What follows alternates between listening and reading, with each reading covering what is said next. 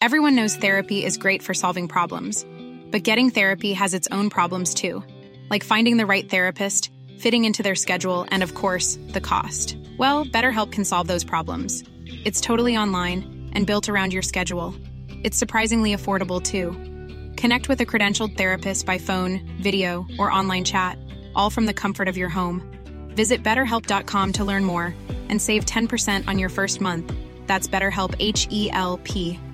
Ready to pop the question? The jewelers at BlueNile.com have got sparkle down to a science with beautiful lab grown diamonds worthy of your most brilliant moments. Their lab grown diamonds are independently graded and guaranteed identical to natural diamonds, and they're ready to ship to your door. Go to BlueNile.com and use promo code LISTEN to get $50 off your purchase of $500 or more. That's code LISTEN at BlueNile.com for $50 off. BlueNile.com code LISTEN. Many of us have those stubborn pounds that seem impossible to lose, no matter how good we eat or how hard we work out. My solution is PlushCare.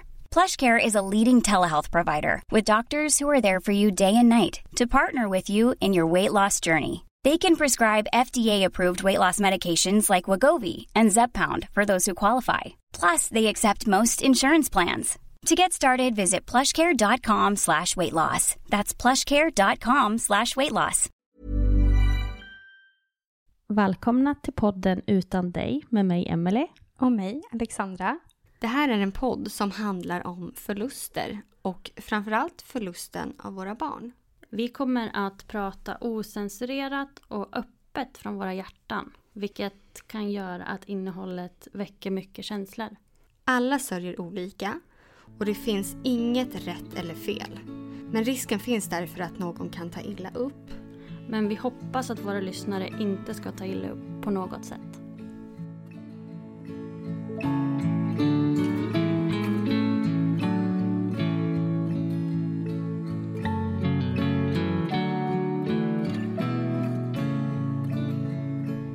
Idag har vi en gäst med oss som heter Jenny. Och eh, vi har bjudit in dig för att du ska få dela med dig om din son Matteo. Och eh, Matteo dog den 15 februari 2023 till följd av eh, hjärnsjukdomen MLD. Ja. Som du också precis här innan inspelningen eh, lärde mig är en tvillingsjukdom till Krabbes sjukdom som min tur Ja. hade. Det stämmer. Mm. Mm. Så det känns eh, jättefint för oss att du vill vara med. Och eh, vi är jätteglada att vi får vara en del i att ja, men sprida minnet av eran Matteo. Tack så mycket. Ja, och även sprida eh, kunskap om den här eh, sjukdomen som är eh, ganska ovanlig. Faktiskt. Så att eh, det är också någonting som jag gärna skulle vilja göra. Eh, och egentligen gör ganska mycket även på min Instagram. Att jag är ganska öppen om den här sjukdomen. Så jag tycker det är väldigt viktigt. Det är jätteviktigt. Och det är jättefint Mm. av dig att du vill ja, men dela med dig så mycket som du gör och ja, men hjälpa och sprida och ja, Mm. skapa förståelse och kunskap överlag. Ja, skapa kunskap och förståelse även liksom hur det är att faktiskt förlora sitt barn eller en närstående eller ja, vem som helst liksom. Ehm, det är ju en väldigt stor bearbetningsprocess att få en sån här diagnos på sitt barn men sen även allting som kvarstår efteråt. Det är ju Alltså det är ju en, en livslång sörje, eller sorgeprocess liksom. Så jag tycker det är väldigt viktigt. Mm. Och nu tänker jag alla som lyssnar här kanske funderar då vad du heter på Instagram. Så de kan eh, kika in på dig där. Ja, jag heter missje.e. Vi kan skriva det också i texten sen till avsnittet. Ja, ja det går bra. Men eh, skulle du vilja berätt börja berätta lite om Matteo? Mm. Eh, Matteo är eh, född den eh, 17 april 2020 och jag födde honom med ett akut kejsarsnitt. Ehm, han var väldigt trött i min mage och han ville ut. Så allting gick jättebra. De, de första månaderna var ju självklart väldigt speciellt. Det var min och min sambos första barn.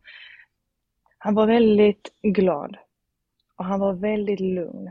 Han var, han var helt, helt fantastisk var honom. Han, han var liksom det här, vad ska man säga, drömbebisen. Skrek liksom väldigt sällan, var alltid nöjd och glad.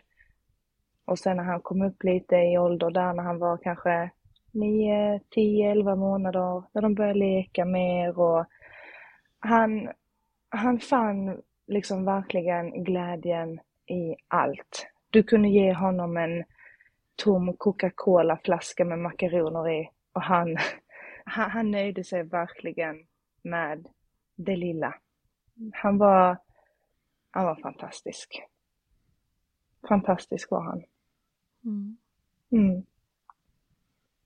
Och sen fyllde han ju ett och eh, då var det ju fortfarande coronapandemin. Eh, så vi höll ett litet så här mindre kalas hemma med de närmsta. Det var jättemysigt, jättetrevligt. Och sen när Matteo var 14 månader ungefär så började jag märka på honom att någonting inte riktigt stämde. Samtidigt som jag tänkte att ah, men det är mitt första barn och man har liksom ingen erfarenhet utan man, man pratar med andra mammor och man liksom känner att nej men det kanske inte är någonting eller så det kanske bara är så här han är. Men jag fick ändå liksom en, vad ska man säga, en liten så här magkänsla, där är nog någonting som inte stämmer. Så jag ringde till eh, BVC som vi gick till och förklarade liksom att jag tycker att Matteo, när han står upp så hans, vad ska man säga, att hans eh, knä liksom föll in mot varandra. Och hon sa till mig, nej du behöver absolut inte oroa dig. Hans eh, leder är säkert liksom överrörliga och det är någonting som kommer rätta till sig med tiden. Då tänkte jag, ja, nej men så kan det ju vara, tänkte jag. Vad vet jag? Hon är ju ändå barnmorska och, och lite så här. um, men sommaren kom och han, han kändes liksom bara mer missnöjd och kom in i sådana här äh, skrikperioder och jag tänkte, nej det här är inte likt honom. Från liksom dag ett har han alltid varit så lugn och glad och och han, han skrek kvällar och nätter. Dagarna var det ändå helt okej. Okay. Och då tänkte jag, men jag kontaktar barnmorskan igen. Och eh, då sa hon att, ja men du får nog ringa till vårdcentralen då så får ju en läkare liksom göra någon slags bedömning. Så jag fick en tid och vi åkte dit och kom in i rummet och jag la Matteo på britsen och den här läkaren, jag pratade lite och så, och så sa han, ja men jag ska undersöka Matteo. Och då låg Matteo på ryggen eh, och han liksom tog hans, tog sina händer runt liksom hans vrister och började cykla med benen och han tryckte upp knäna mot magen och försökte känna på höfter och, och knä och, och fötter. Och Matteo han skrek Åh, vad han skrek. Jag kan fortfarande höra liksom hans skrik och jag sa till läkaren, men vänta lite, nu, nu räcker det. Jag måste få trösta honom först. Och han sa ju till mig att det är jättesvårt för mig att avgöra om Matteo har eh, ont eller om han kanske är rädd för mig. Matteo kunde vara lite så här känslig mot folk som han inte eh, kände, som han inte hade träffat innan så sa han att jag skickar ändå en remiss till eh, barnkliniken bara för att vi inte ska missa någonting. Och jag tänkte, ja men det kändes ändå ganska bra. Och det dröjde ju kanske en eh, sju, åtta veckor innan vi ens fick tid. Men när tiden väl kom och vi åkte till barnkliniken, då hade de liksom förberett en matta på golvet och Eh, det var lite leksaker och det var då en barnläkare och sen var det en eh, sjukgymnast. Och lika väl där som Matteo, han bara skrek och skrek och skrek och han ville absolut inte leka eller vara liksom samarbetsvillig för fem öre. Eh, men då hade jag lite bilder och lite videos som jag hade tagit på Matteo i hemmet med tanke på att jag visste om, eller jag kände på mig att det kommer vara svårt för läkaren liksom att undersöka honom. Um, och då sa läkaren till mig att nej, nej men jag, jag kan inte se liksom att det är någonting som är fel. Och då börjar liksom frustrationen i mig att hur kan du inte se när jag visade vissa bilder och videos som kanske var sedan tidigare och visade då bilder och videos som var kanske från ja, men samma vecka som vi var där. Och hon sa liksom att nej, nej, jag tycker att du får liksom avvakta och, och så får du ringa tillbaka om det skulle bli värre. Och jag tänkte att jag ska inte ge mig. Så jag sa, men åtminstone kan du väl skicka en remiss eh, så vi kan få göra en röntgen med tanke på att under de här veckorna som hade gått innan vi fick tid till barnkliniken så hade ju hans ben förändrats ganska mycket. Eh, hans fötter och hans tår pekade liksom ganska mycket neråt och även att knäna liksom nästan slog i varandra när han kunde stå upp eller man försökte gå med honom. Men hon avvisade mig på en remiss till röntgen och tyckte inte alls att det var nödvändigt. Och eh, till slut så känner man ju att alltså man är så tömd på energi och luft inne i det här rummet. Så jag tänkte att nej, vi åker hem. Och då Hur var det då på nätterna och så? Hade det blivit bättre eller var det fortfarande skriknätter? Det var, det var en del skrik eh, och jag vet att jag ringde tillbaka till barnmorskan och hon sa till mig att det kan ju vara nattskräck.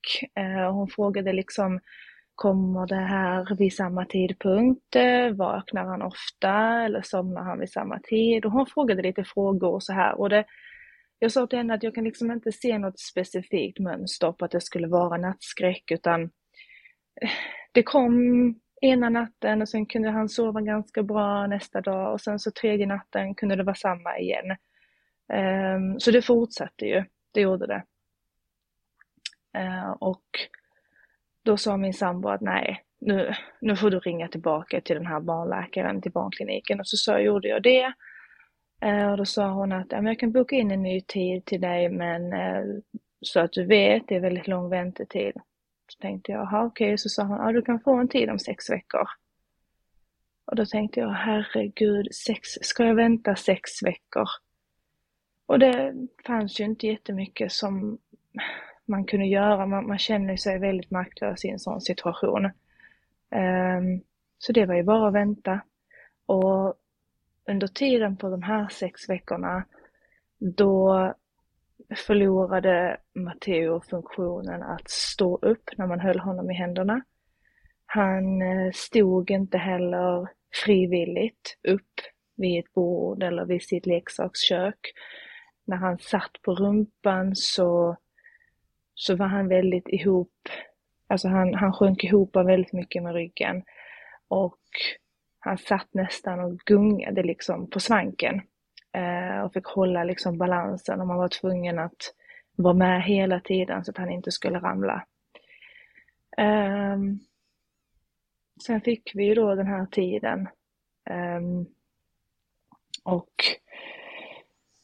kommer dit, det var exakt samma sak. Hon, kunde, hon säger att hon, hon kunde inte se någonting speciellt.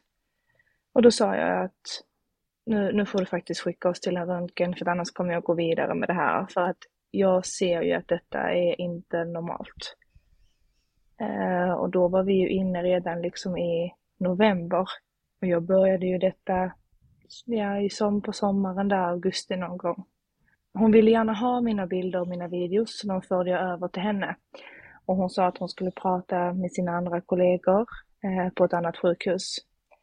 Och när hon väl hade gjort det, då fick vi kontakt med en neurologläkare eh, som tog sig an oss direkt. Och efter det så gick det väldigt fort. Då fick vi hjälp direkt. Antagligen för att hon såg att det här är verkligen någonting som inte stämmer. Jag hade ju dokumenterat liksom med min telefon, både med bilder och videos under fem månaders tid. Så man kunde ju se en väldigt stor förändring. Och då fick vi hjälp direkt. Hon bad oss komma in. Vi fick en akuttid hos henne eh, och eh, det var ju samma där. Hon fick ju absolut inte undersöka Matteo. Han var ju så ledsen. Och jag tror också att under den här perioden så hade han ju väldigt ont.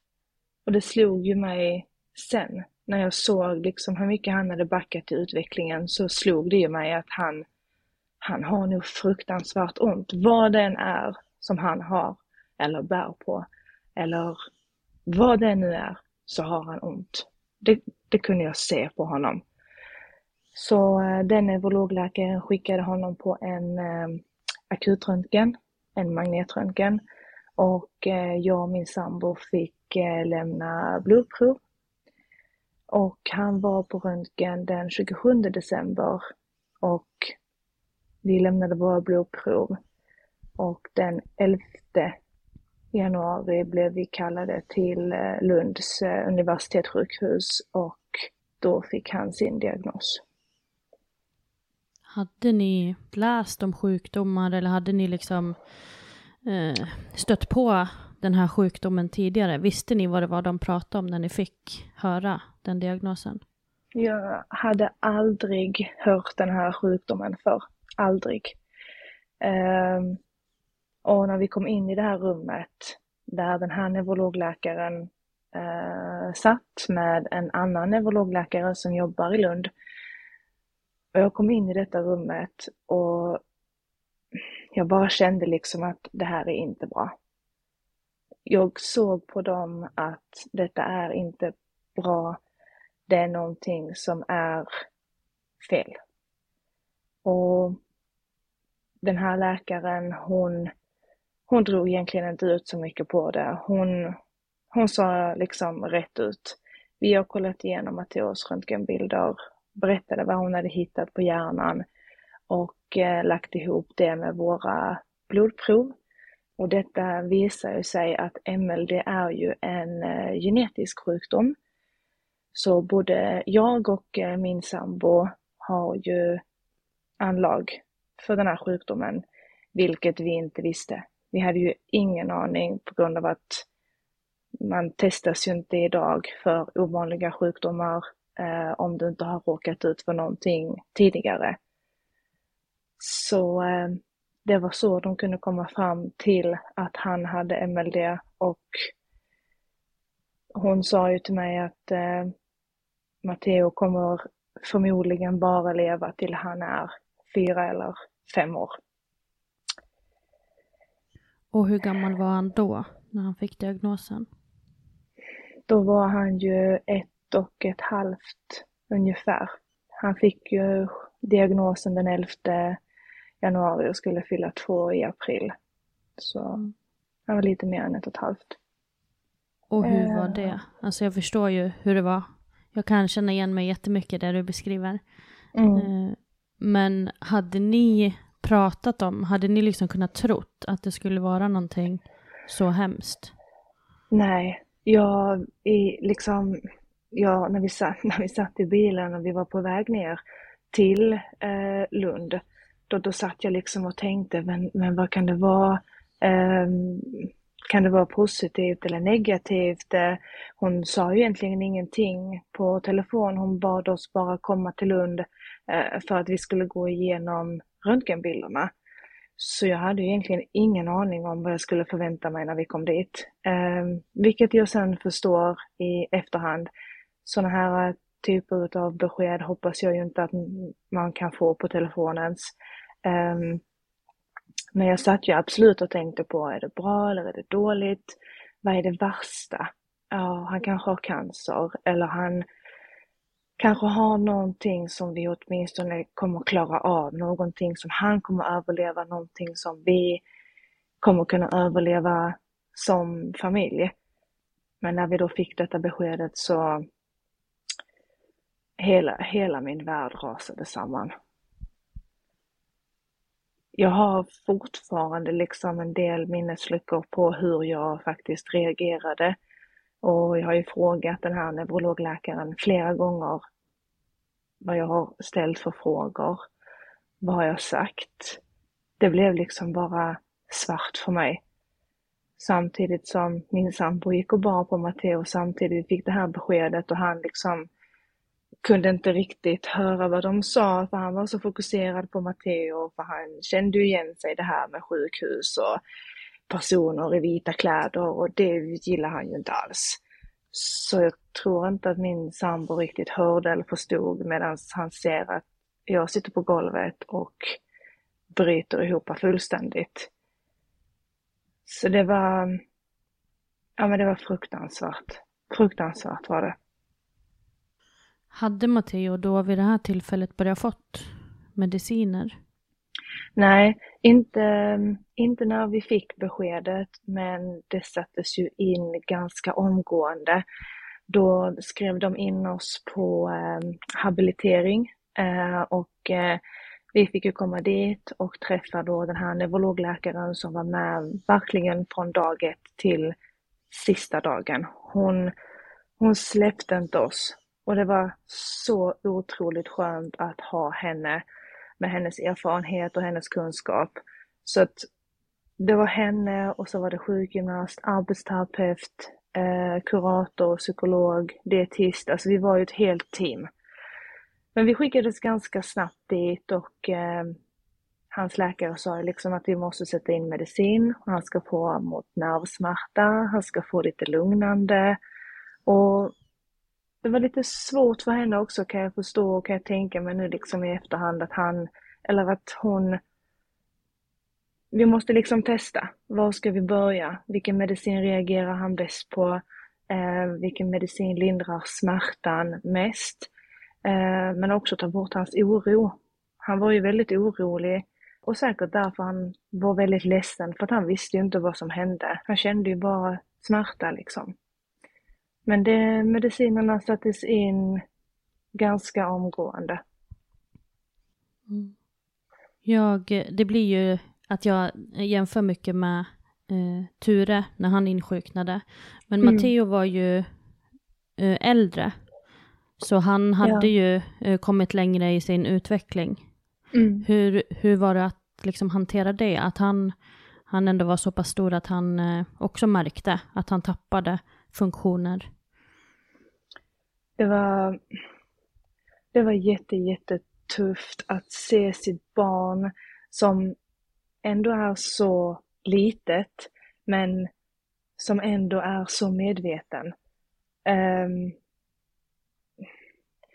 det, var, det var jättetufft. Vi, vi försökte ju verkligen liksom hålla humöret uppe när han var vaken. När han gick och la sig, då kunde jag och min sambo gå och bryta ihop, skrika, gråta. Um, men vi försökte liksom när Matteo var vaken, vi försökte leka och vi försökte göra saker, men när vi märkte att han inte, inte klarade det. Han blev väldigt frustrerad och han tog ju saker och kastade det. Och det var också lite ehm, chockande för mig att se att han var så medveten trots att han var så liten. Och jag vet att jag sa det till min sambo att alltså han förstår verkligen. Han, han förstår liksom verkligen innebörden med att han inte kan greppa en boll till exempel. Han kan inte greppa en bil och köra på sin matta liksom. Och det var fruktansvärt jobbigt att se men jag vet att vi, han blev ju alltid väldigt ledsen och då tog jag alltid honom därifrån. Och så gick vi och satte oss i soffan och tittade på TV till exempel istället och han fick en flaska med lite mjölk eller välling. Så det gick ju över ganska snabbt för honom medan det satt ju i mig fortfarande. Väldigt mycket. Att ha se, alltså, kunna se sitt barn ha le, alltså kunna leka och sen kan de inte leka. Mm. Det gjorde jätte, jätteont. Hade han lärt sig att eh, prata mycket? Eh, han kunde ju säga mamma och pappa. Eh, han kunde härma en del djur. Han kunde säga titta och han kunde säga babba. Det var väl egentligen det som han kunde. Så. Eh, men när han inte kunde säga mamma längre, jag vet att jag, när jag märkte liksom på honom att han började försvinna mer och mer, så tog jag min telefon och filmade honom och så sa jag, kan du säga mamma? Och då vet jag, då, då sitter han i soffan och så säger han liksom mamma, mamma, flera gånger. Mm. Um, och det var sista gången jag hörde honom säga mamma. Så det var, ja det var väldigt tufft faktiskt. Det var jättetufft samtidigt som jag är väldigt tacksam över att man kommer på de här små grejerna, liksom att nu ska man ta upp sin telefon och nu ska man filma, för man vet liksom inte om, om detta är den sista gången som man hör det här, eller den sista gången han kan göra detta, eller... Ja, det var extremt tufft. Det var riktigt jobbigt. Mm. För med det här eh, diagnosbeskedet så fick ni också information då om, om att den här hjärnsjukdomen innebar att, ja, att den var dödlig men också att han skulle tappa i princip alla sina funktioner. Mm. Ja. Det, det sa de till oss att successivt liksom under sjukdomsförloppet så kommer Matteo att tappa sina funktioner. Uh, och det innebar ju allt. Um, allt från att kunna leka, greppa saker, uh, kunna äta, kunna sköta mage. Ehm, all, allting liksom skulle han tappa och de förklarade för oss liksom att till slut så, så kommer han liksom bara existera. Han kommer förmodligen att bli både döv och blind. Så ja, allt skulle han förlora. Mm. Och hur var tanken att ni ni liksom skulle leva med det här? Var ni mest hemma eller blev ni inlagda på sjukhus?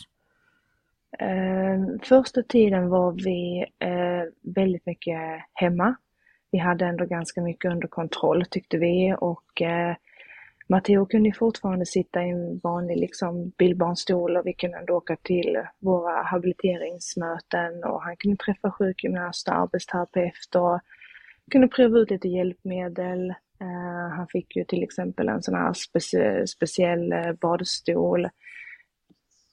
Eh, han fick en rullstol eh, och då, då gick det ganska bra och vi kunde också sköta medicineringen hemifrån. Men sen kom det ju en tid där han, när han åt mat, så satte han ju väldigt mycket i halsen. Och det var också en sån grej som, som liksom skrämde oss att det ska inte vara det som gör att han går bort utan vi, vi måste liksom fixa detta och då vet jag att då ringde jag till läkaren och då sa jag att nu har han jättemycket problem med sväljsvårigheter.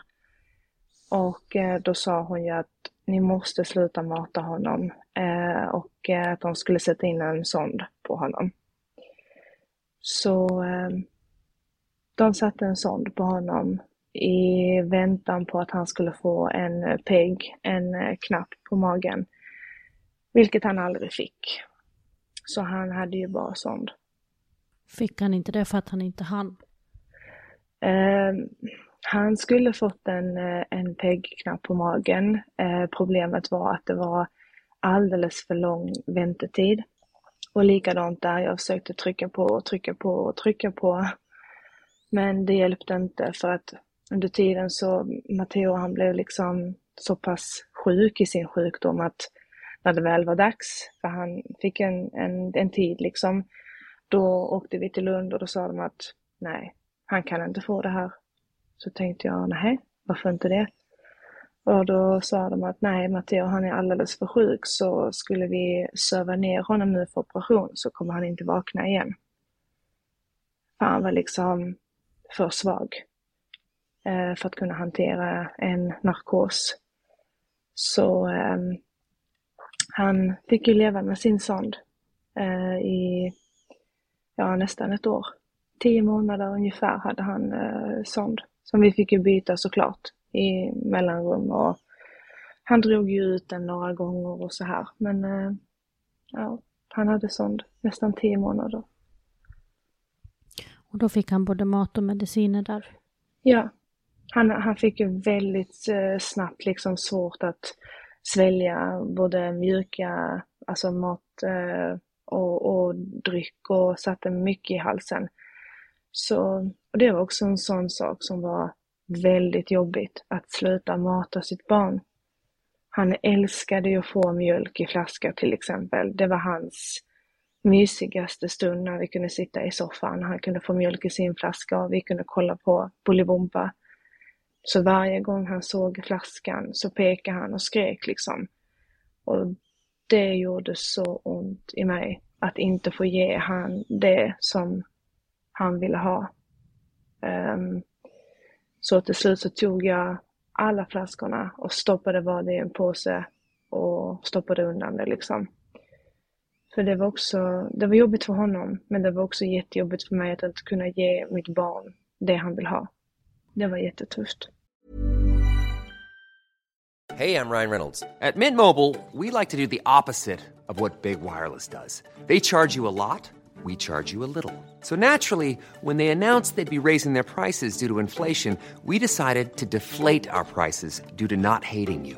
That's right. We're cutting the price of Mint Unlimited from $30 a month to just $15 a month. Give it a try at mintmobile.com slash switch. $45 upfront for three months plus taxes and fees. Promo rate for new customers for limited time. Unlimited more than 40 gigabytes per month. Slows. Full terms at mintmobile.com. Everyone knows therapy is great for solving problems, but getting therapy has its own problems too, like finding the right therapist, fitting into their schedule, and of course, the cost. Well, BetterHelp can solve those problems. It's totally online and built around your schedule. It's surprisingly affordable too. Connect with a credentialed therapist by phone, video, or online chat, all from the comfort of your home. Visit betterhelp.com to learn more and save 10% on your first month. That's BetterHelp, H E L P. Hur tycker du liksom att det var ifrån att ja men allting gick ju ändå så fort. Trots att du Mm. visste, du märkte att någonting inte var som det skulle, men då hade du liksom nyss blivit mamma Mm. och eh, ja, men kanske hade någon mammagrupp eller liknande. Och hur var allt sånt att hantera för dig? Att inte vara med på det längre på samma vis? I den, I den stunden där så var det ju också eh, mycket restriktioner kvar från corona. Eh, så jag gick ju aldrig på någon sån här mammagrupp på BVC och så, men jag hade ju en del vänner som hade barn eh, som både var lite äldre men även i Matteos ålder. Och eh, det var självklart jättejobbigt. Eh, jag hade jätte, jättesvårt att vara kring andra barn eh, den, den första tiden liksom efter att jag hade fått sin diagnos. Att jag, jag hade så mycket problem att jag kunde knappt gå ut med min hund och se barn leka på en lekplats. Det var jättetufft. Det var många gånger som vi liksom inte åkte till andra vänner för att vi, vi klarade inte av att se liksom andras barn, även om vi älskar våra vänners barn. Så var, alltså det gjorde bara för ont. Och även om vi hade liksom besök här så frågade alltid våra vänner liksom, ska vi lämna barnen hemma eller är det okej att de följer med? Och jag kände att jag måste vara liksom jätteärlig och skrev att jag älskar era barn, men tyvärr så jag, jag klarar inte av det. Så, och våra vänner respekterade ju det. Och det var jätteskönt att få det stödet. Men klart att det, det var superjobbigt. Jättejobbigt. Hur tycker du att det är nu? Att träffa eller se andra barn? Nu så känns det helt okej. Vi var ju väldigt isolerade kan man väl säga, liksom under hela Matteos sjukdomsförlopp och även hans sista månader och sista tid. Eh, och även efter hans bortgång så var vi ju väldigt isolerade. Eh, hade också väldigt svårt då att umgås med mina vänners barn och så, men, men nu så känns det ändå helt okej. Det känns inte bra, men det känns helt okej. Eh, och jag tänker också att det får liksom ta den tiden den tar. Eh, jag tänker inte stressa fram någonting eller pressa fram någonting för någon annans skull, utan jag ska göra detta i min takt och jag ska ta den tid som jag behöver. Och vill mina vänner förstå det eh, eller vill de inte förstå det, det är upp till dem. Jag måste lyssna på mig själv och vad jag vill göra och vad jag känner att jag klarar av. Som sagt, vissa dagar är fortfarande bättre än andra, men det, det känns ändå helt okej okay nu att vara runt andra barn. Skulle du vilja berätta om Matteos sista tid? Ja, absolut. Eh, vi kan väl ta de sista två månaderna. De var ju väldigt intensiva och eh, väldigt tuffa och väldigt jobbiga. Men Matteo han blev ju sjuk där mellan jul och eh, nyår. Han var väldigt förkyld och rosslig, hade feber och vi åkte in med honom till eh, barnavdelningen. Och de tog ju prover och så här och då visade det sig att han hade fått RS-virus. Och då sa ju hans neurologläkare liksom att ni, ni ska nog ta och förbereda er på att detta är hans sista tid för att RS-virus är ju väldigt tufft för barn som är liksom friska överlag, eller kan vara väldigt tufft. Eh, men då för barn som har underliggande sjukdomar så kan det vara extra tufft och speciellt då i Matteos fall där han redan var så svag och så skör i sin sjukdom. Så vi tillbringade nyårsafton på barnavdelningen. Vi fick faktiskt komma hem på kvällen på permission. De tyckte att de hade ändå honom under liksom kontroll. Så vi fick ändå komma hem och det var väldigt skönt. Och läkarna trodde ju inte att han skulle återhämta sig. Men varje kväll så pratade jag med, pratade jag med Matteo och han sa liksom, du ska klara detta här. Du, du är inte redo att lämna oss än. Och han kämpade och kämpade. Till slut så var han liksom frisk från sitt RS-virus.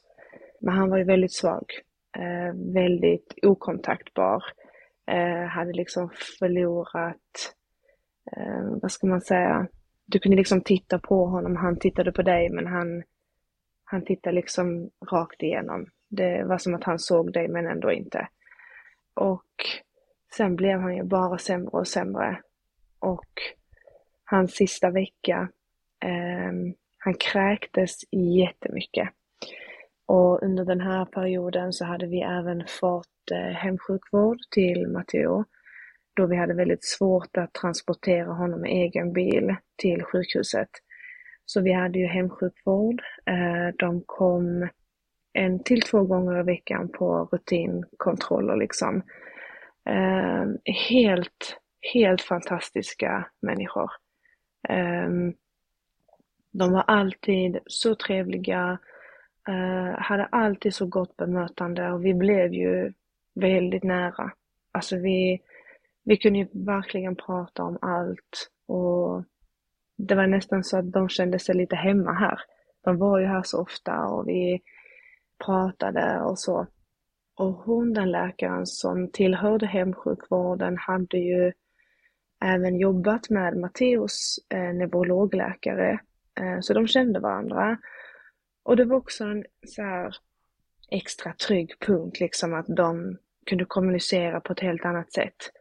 Men Matteos sista vecka då, då kräktes han jättemycket och eh, hon kom hit, hans läkare från hemsjukvården och hon sa att vet du vad Jenny, jag tror faktiskt att du kommer behöva plocka bort maten. Och då tänkte jag, va? Alltså hur ska han då liksom få i sig sin näring och energi och så här för att orka? Och då sa hon till mig att detta är liksom ett eh, tecken på att hans kropp börjar ge upp och det är därför han kräks och får inte behålla någonting.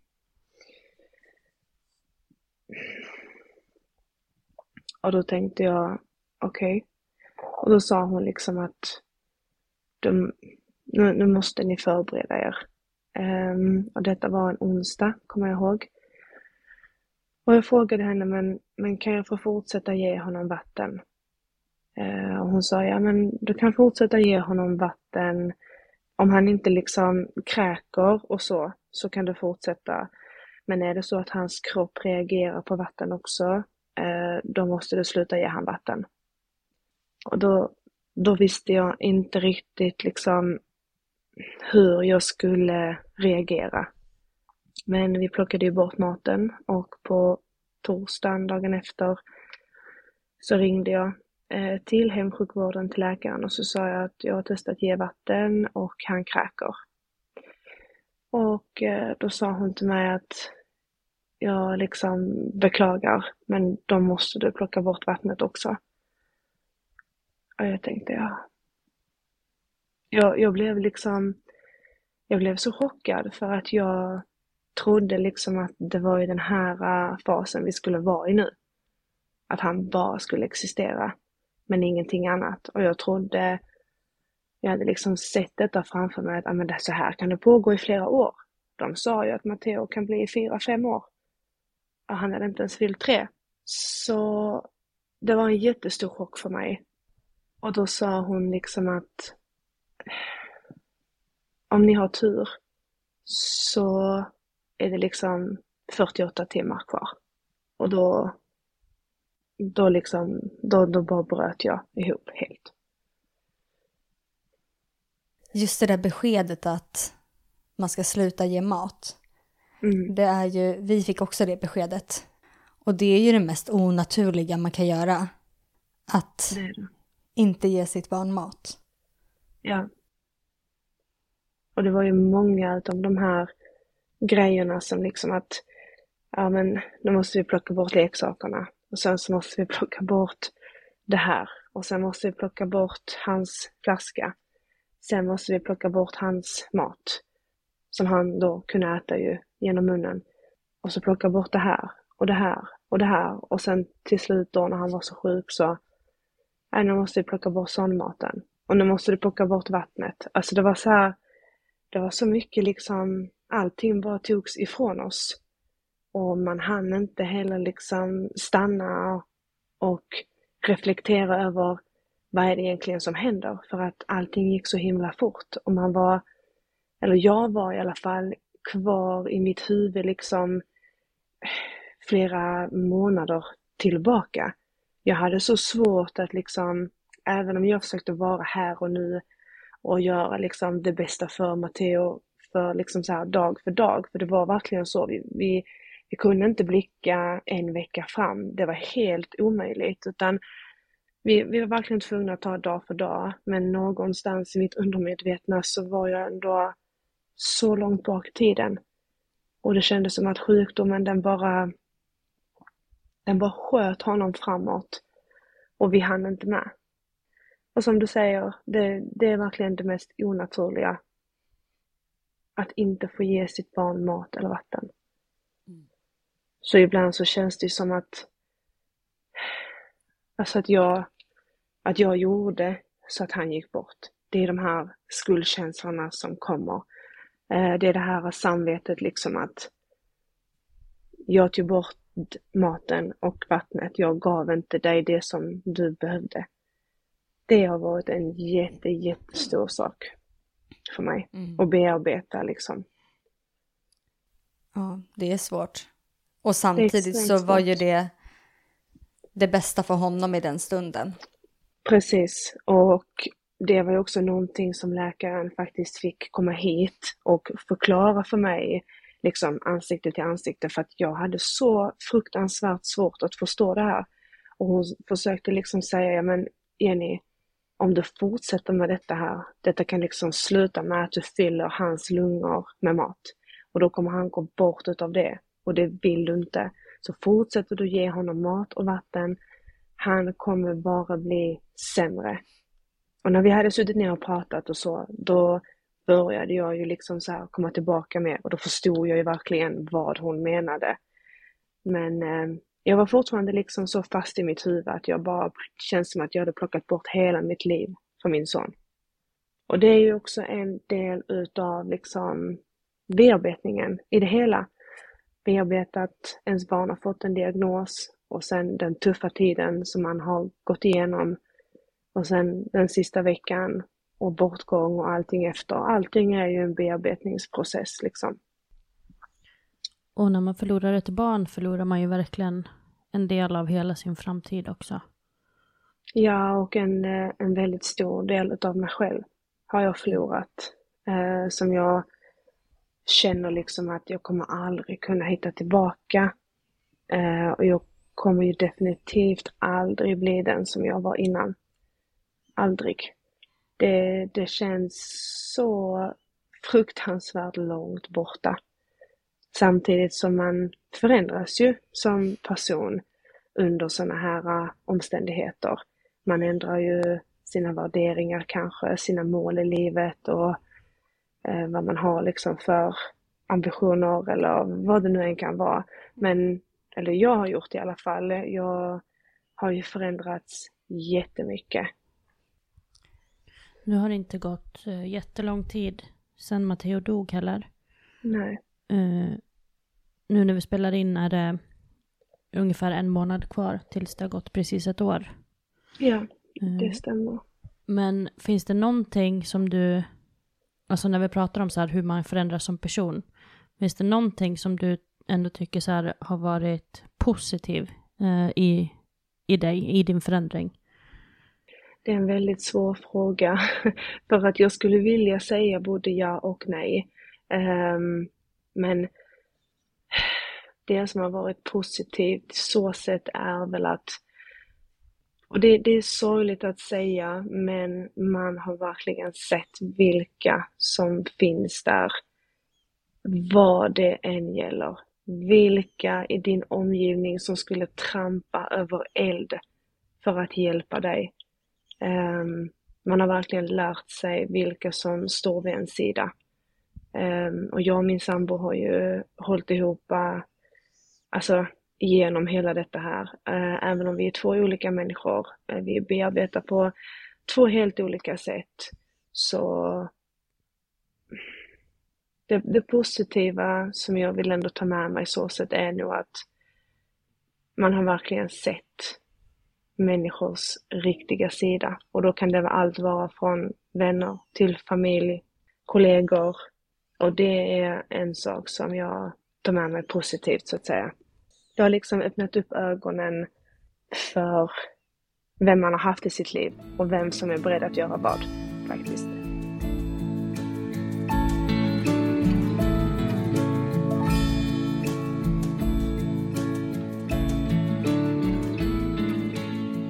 Men sen blev det den 15 februari.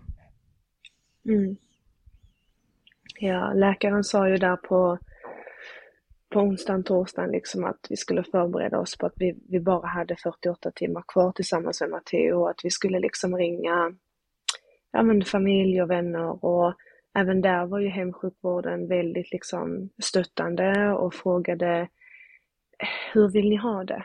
Vill ni vara hemma? Eller vill ni kanske vara på sjukhuset? Eh, vill ni vara ensamma eller vill ni att vi ska vara här? Ehm, och jag sa ju till dem att jag skulle nog vilja att ni är här. Det känns ändå ganska tryggt för att du, du vet ju inte vad som kommer hända när han väl går bort. Jag var ju väldigt rädd för att Matteo skulle kvävas till döds. Eh, varför vet jag inte. Det, det var en sån grej som hade kommit upp i mitt huvud och det hade fastnat där och jag var så fruktansvärt rädd för att han skulle kvävas och att man skulle ha den minnesbilden av honom. Um, men det sa ju hans läkare flera gånger att det kommer han inte göra. Um, samtidigt som jag var så fruktansvärt rädd för att missa. Alltså när han skulle gå bort. Tänk om jag sover? Tänk om ingen hör? Tänk om vi vaknar på morgonen och så har han somnat in. Men hon sa ju också till mig att du kommer märka det. Så helgen kom och eh, våra vänner och familj hade varit här och vi hade liksom inte gjort så mycket utan bara så suttit nära, umgåtts, eh, funnits liksom där för varandra. Eh, och jag vet att hans läkare, hans neurologläkare ringde varje morgon och varje kväll och frågade hur går det? Hur mår han? Och jag sa ja, jag vet inte vad du vill att jag ska säga, men han krigar på. Det var precis som att Matteo var inte redo att lämna. Och hon sa ju flera gånger att det här är helt ofattbart att han orkar. Men han hade ju ett väldigt starkt hjärta och det är ju också så att hans hjärta hade ju ingenting med sjukdomen att göra utan hans hjärta var ju friskt. Så efter helgen så kom måndag morgon och hon ringde igen och sa, men hur går det egentligen? Jag sa, ja, exakt samma sak som jag sa till dig igår. Han krigar på. Um, och hon tyckte också att det var lite konstigt, inte konstigt, det är också konstigt ord att använda, men att det inte hände någonting. Um, då hade han ju varit utan både mat och vatten liksom i fem dagar. Uh, och hon var inte alls beredd på att det skulle ta så lång tid. Um, och vi var ju själv ganska chockade.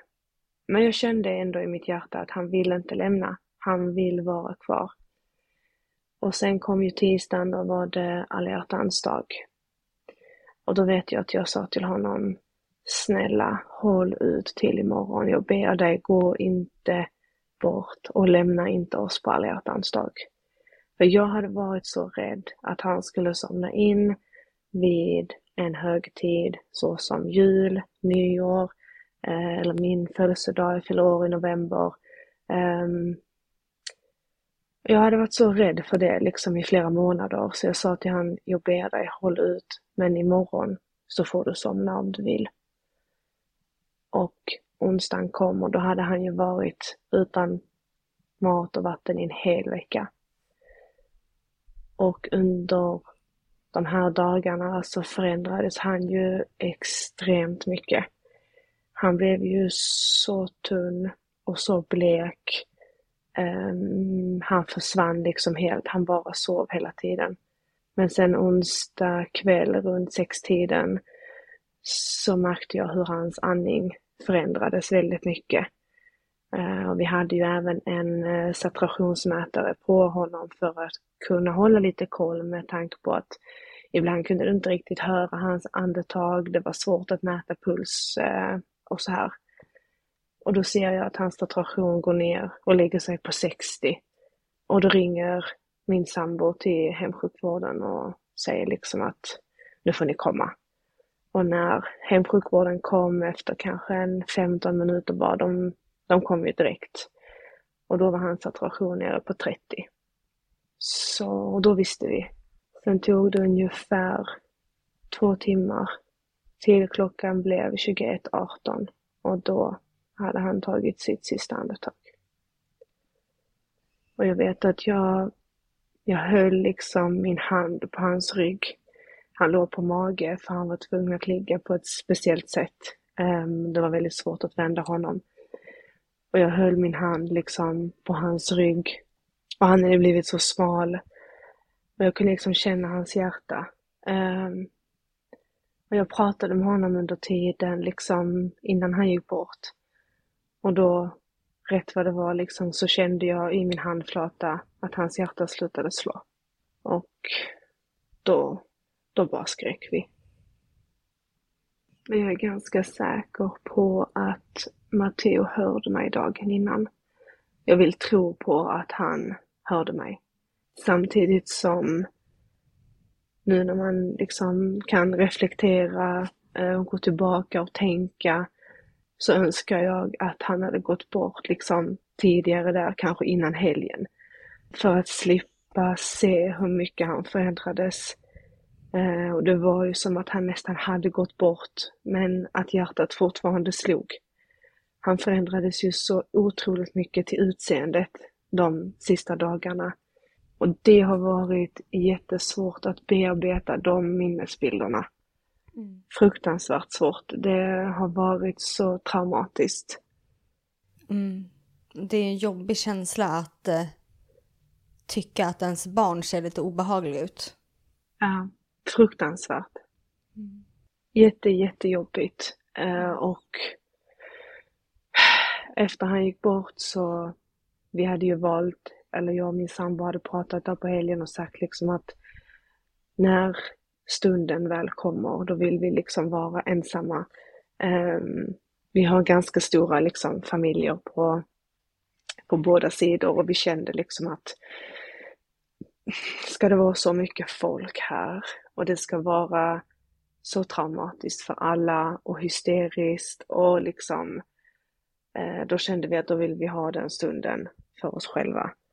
Men tillsammans med hemsjukvården, för de var ju här och hjälpte oss. Eh, men sen ringde vi till våra familjer och de fick komma och ta farväl och det var jättejobbigt att se liksom ens familj och min sambos familj alltså förlora sitt barnbarn. Det var jättejobbigt. Det gjorde så ont. Det var... Det, det går liksom inte att beskriva. Det finns inga ord i världen som kan sätta, alltså sätta ord på den smärtan. Det gjorde nästan mer ont att se liksom alla andra vara så ledsna och så förstörda. Det var fruktansvärt. Men jag hade ju bestämt mig liksom ganska tidigt att jag vill ju vara den som ska ta hand om Matteo efter han har gått bort. Min sambo som Matteos pappa klarar ju inte det alls. Men jag vill ju vara den som jag ville liksom klä honom och tvätta honom och borsta håret och göra alla de här grejerna. Och hemsjukvården hjälpte mig med det en av de sjuksköterskorna hade blivit inringd endast för Matteos skull. Så hon hade jobbat tre skift. Och att hon kom och hjälpte mig med detta betydde så mycket. Hon hade verkligen hjärtat på rätt plats. Ehm, hon hade ju liksom jobbat över 24 timmar redan. Men var, alltså, kom ändå och hjälpte mig med detta. Och det tyckte jag var så otroligt fint och det är någonting som jag kommer vara tacksam för liksom för resten av livet. Så de förklarade lite för oss eh, om vi ville ha kvar Matteo liksom över natten. Eh, eller om vi ville att de skulle ringa till transporter som skulle komma och hämta honom. Och jag sa att vi skulle fundera lite så vi gjorde i ordning honom och alltihopa och sen så vill jag gärna hålla Matteo för jag hade inte hållit Matteo i min famn på nästan åtta månader för att Matteo var så, så känslig i sin kropp. Eh, så du kunde liksom inte bära honom, jag kunde inte ha honom i mitt knä. Ingenting. Och det var också en sån grej som när jag satt liksom med honom i min famn i soffan efter han hade gått bort. Tänk att jag skulle få hålla mitt barn igen den dagen. Men då har han redan somnat in det gjorde också så ont. Men jag fick sitta där med honom ett tag eh, och eh, min bästa tjejkompis som jobbade som assistent till Matteo, hon var också eh, hos oss.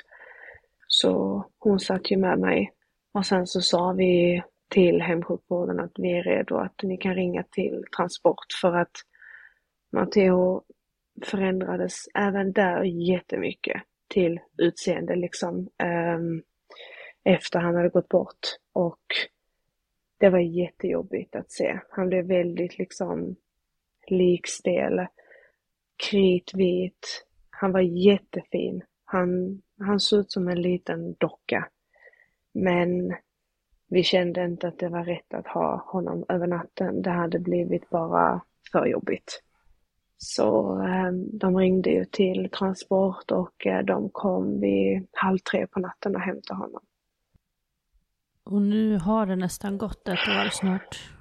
Mm. Hur känns det att det datumet börjar närma sig? Ja, jag har alltid haft, eh, sen liksom vi fick diagnosen på Matteo så har jag alltid haft väldigt svårt att reflektera över tiden.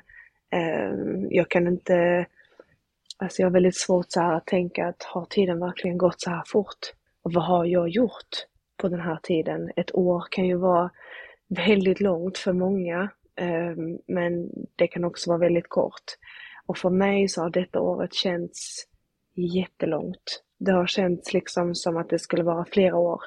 Det är klart att det känns jobbigt, det gör det. Det, det känns fruktansvärt tufft.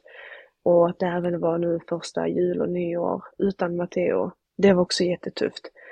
Men jag tror att samtidigt så, vi har fått så bra hjälp eh, genom psykolog, eh, jag har gått en traumabehandling. Och jag tror att det är väldigt viktigt att man lär sig att leva med sorg och att man även faktiskt använder sin sorg och försöker göra något positivt utav det. Hur konstigt det än låter, men försök att hitta din väg som du vill gå. Jag tror att det är jätteviktigt. Annars så tror jag det är lätt att man kan hamna fel. Och det är viktigt att lyssna på sig själv. Ingen annan ska tala om för dig vad du är redo att göra eller inte redo eller någonting. Utan lyssna på dig själv och lita på dig själv framför allt. Känner du att eh, du har kunnat gjort det? Lyssna på dig själv? Ja, absolut. Eh, jag kände ju väldigt mycket efter Matteo gick bort att jag tänker inte göra någonting som jag inte vill. Sen om det handlar om eh, vänner eller jobb eller någonting. Jag tänker inte göra någonting som jag inte vill. Jag har varit ganska hård mot mig själv. För att jag annars överlag är en, en person liksom som kan skita i mig själv alla dagar i veckan och tänka på alla andra förutom mig själv. Men efter att jag gick bort, han lärde mig verkligen att sätta mig själv först. Och att jag ska göra det som jag vill. Så eh, jag tror också att det är en av anledningarna till varför jag har kunnat bearbeta detta på ett så bra, alltså på ett så bra sätt som man kan göra. Sen är det ju så, det är jättesvårt. Eh, vi är alla olika människor, vi alla reagerar olika. Eh, vi hanterar saker olika, eh, vilket är ju fullt naturligt. Men jag tror bara att man hör ofta det, du är så stark, ge inte upp. Men man är inte stark. Jag har inte varit stark. Jag har varit ett liksom vandrande sammanbrott. Um, och jag känner att det får vara så tills man känner sig färdig och kan försöka liksom bygga upp sig själv igen. Det är jätteviktigt. Att inte förlora sig själv i denna sorgen. Mm. Även om det är självklart lättare sagt än gjort. Men jag tror det är viktigt att man försöker tänka att allting får ta sin tid. Så är det. Väldigt kloka ord. Ja. Mm. Det är så jag har hanterat det här i alla fall.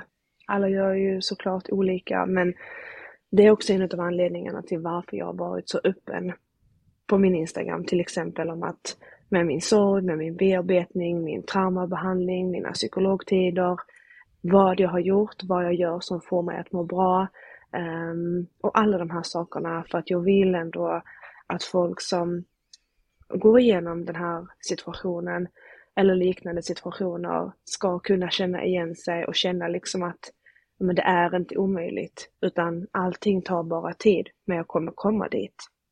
Sen om det tar ett år, fem år, det spelar ingen roll. Det får ta sin tid. Mm. Många kloka ord. Ja. Jag tänker också om du lite avrundningsvis skulle vilja mm. dela med dig om det är någonting som har varit extra bra eh, som ni har fått i form av stöd ifrån ja, folk runt omkring er eller vård eller vad som. Eh, mm. Eh, eller om det är något specifikt också som ni har saknat.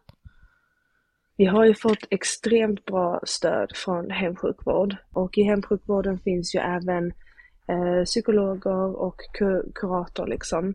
Även genom habiliteringen som Matteo hade när han tillhörde sitt team. Där har vi också psykolog och kurator och eh, de har du ju rätt att ha ett år efter bortgång så att säga. Eh, och det är ju kostnadsfritt. Och jag tycker verkligen att man ska ta den chansen om man känner sig bekväm med den psykologen som man har. Och inte tro att två, tre gånger räcker, utan att som sagt ta den tiden som du behöver. Och du har rätt till detta i ett helt år. Så jag tror att habiliteringen där vi har tillhört med psykolog och så vidare har gett oss jättemycket stöd. Men sen även hemsjukvården med tanke på att de var så nära oss eh, i sista, liksom Matteos sista tid och har varit ett jättestort stöd för oss. Och det som jag känner att jag skulle vilja förändra, eh, det som jag vill att Sverige skulle jobba på, är att faktiskt testa kvinnor som är gravida, att man ska lägga in MLD i liksom PKU-testet som man testar på spädbarn. Men även att om du känner som gravid kvinna att ah, jag vill gå och lämna ett blodprov för att se om jag bär på någon specifik gen eller vad det än kan vara, då tycker jag att man ska kunna ha rätt till det. Vilket man tyvärr inte har idag. Det hade förändrat så mycket för så många familjer och så många barn. Och det hade även kunnat rädda barnens liv. Men den här sjukdomen, är det någonting som om man får veta den i tidigare skede att man kan göra någonting åt eller behandla eller är det? Eh, det är ju så att har du anlag för den här sjukdomen så måste man gå igenom detta en gång så som vi har gjort till exempel nu eh, med Matteo. Eh, vilket betyder att ett barns liv går åt för att du ska mm. veta vilka gener du bär på. Ehm, så i nästa graviditet till exempel, då kan de ju ta ett test på moderkakan eh, och testa specifikt för MLD för att se om det här barnet också bär på den genen med tanke på att jag och min sambo bär på den båda två. Mm. Det är någonting som jag vill förändra, eh, för ett barns liv ska inte gå åt på det här sättet. Mm. Um, och skulle det vara så att barnet i magen bär på samma gen så kan man sätta in en behandling som heter genterapi. Eh, det kan du göra i ett tidigt skede innan barnet får symptom. Matteo fick inte det för att han hade gått för långt i sin sjukdom och hade redan alldeles för mycket symptom. Och det hade, hade vi satt honom på en behandling så hade det bara fortskridit liksom sjukdomen framåt. Mm. Så eh, det finns eh, möjligheter. Det, det finns eh, forskning inom det här och det finns en behandling. Och nu har de även öppnat upp på Lunds universitetssjukhus ehm, själva center för MLD-behandling för genterapi. Mm. Och då blir, hur fungerar det? Um, jag vet lite grann om det, jag vet inte jättemycket, men det jag vet är väl grunden liksom att det är ju såklart en jätte, jättetuff behandling. Um, de slår ju liksom ut hela, um, vad ska man säga, alltså hela immunförsvaret och uh, byter liksom ut celler i barnets kropp. Så det blir ju som en, vad heter det, uh, ryggmärgstransplantation. Och det tar ju såklart tid.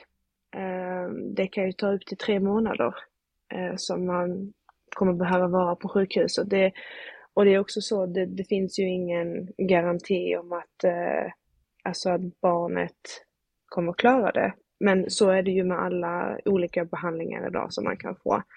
Så det är det som jag vet just nu, eh, men försöker ju jobba lite på det vid sidan om. Eh, jag vill ju verkligen gräva ner mig i det där ännu mer.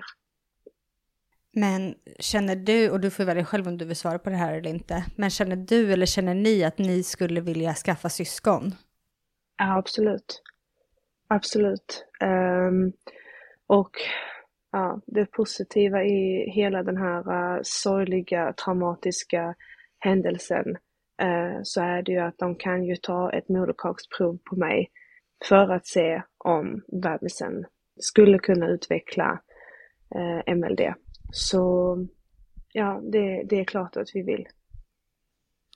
Men om en bebis i magen skulle visa att den har MLD, mm. skulle då, du då vilja eh, gå vidare i graviditeten och hoppas på en sån här genterapi? Och det att det ju... skulle kunna rädda? Det är ju två, det är ju de två valen man har. Antingen så fortsätter du din graviditet eh, och eh, föder, eh, sätter in barnet på en behandling ganska tidigt när barnet bara är kanske någon månad gammal. Eller så får jag avbryta graviditeten.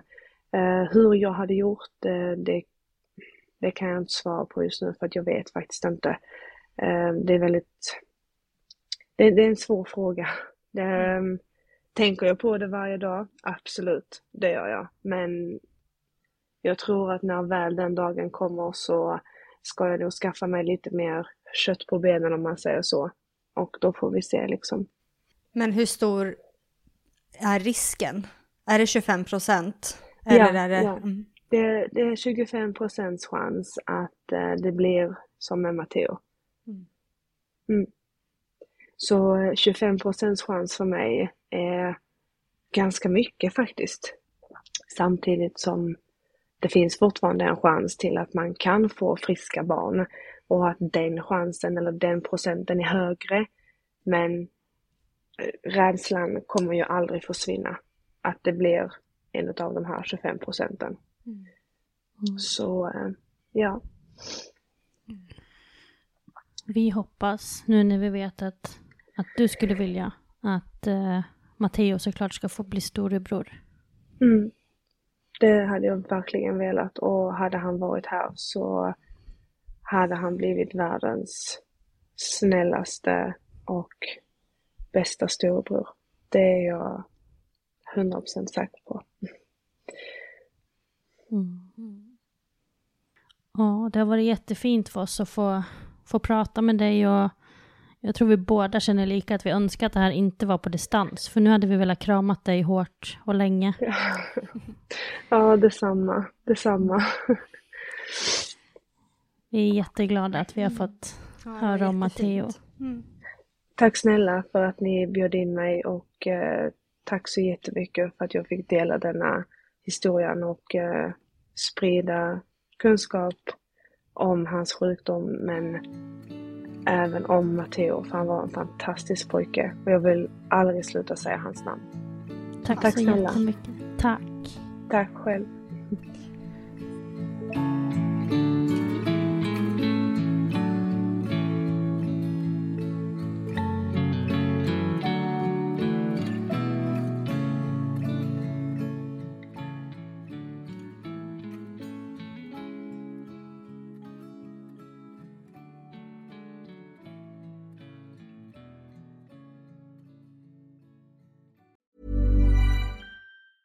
Planning for your next trip? Elevate your travel style with Quince. Quince has all the jet setting essentials you'll want for your next getaway, like European linen, premium luggage options, buttery soft Italian leather bags, and so much more. And is all priced at 50 to 80% less than similar brands. Plus, Quince only works with factories that use safe and ethical manufacturing practices.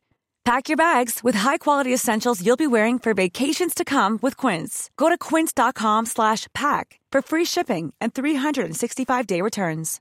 Imagine the softest sheets you've ever felt. Now imagine them getting even softer over time. That's what you'll feel with Bowl and Branch's organic cotton sheets. In a recent customer survey, 96% replied that Bowl and Branch sheets get softer with every wash. Start getting your best night's sleep in these sheets that get softer and softer for years to come. Try their sheets with a 30-night guarantee. Plus, get 15% off your first order at bowlandbranch.com. Code BUTTERY. Exclusions apply. See site for details. Hi, I'm Daniel, founder of Pretty Litter. Cats and cat owners deserve better than any old-fashioned litter. That's why I teamed up with scientists and veterinarians to create Pretty Litter. Its innovative crystal formula has superior odor control and weighs up to 80% less than clay litter. Pretty Litter even monitors health by changing colors to help detect early signs of potential illness. It's the world's smartest kitty litter. Go to prettylitter.com and use code ACAST for 20% off your first order and a free cat toy. Terms and conditions apply. See site for details.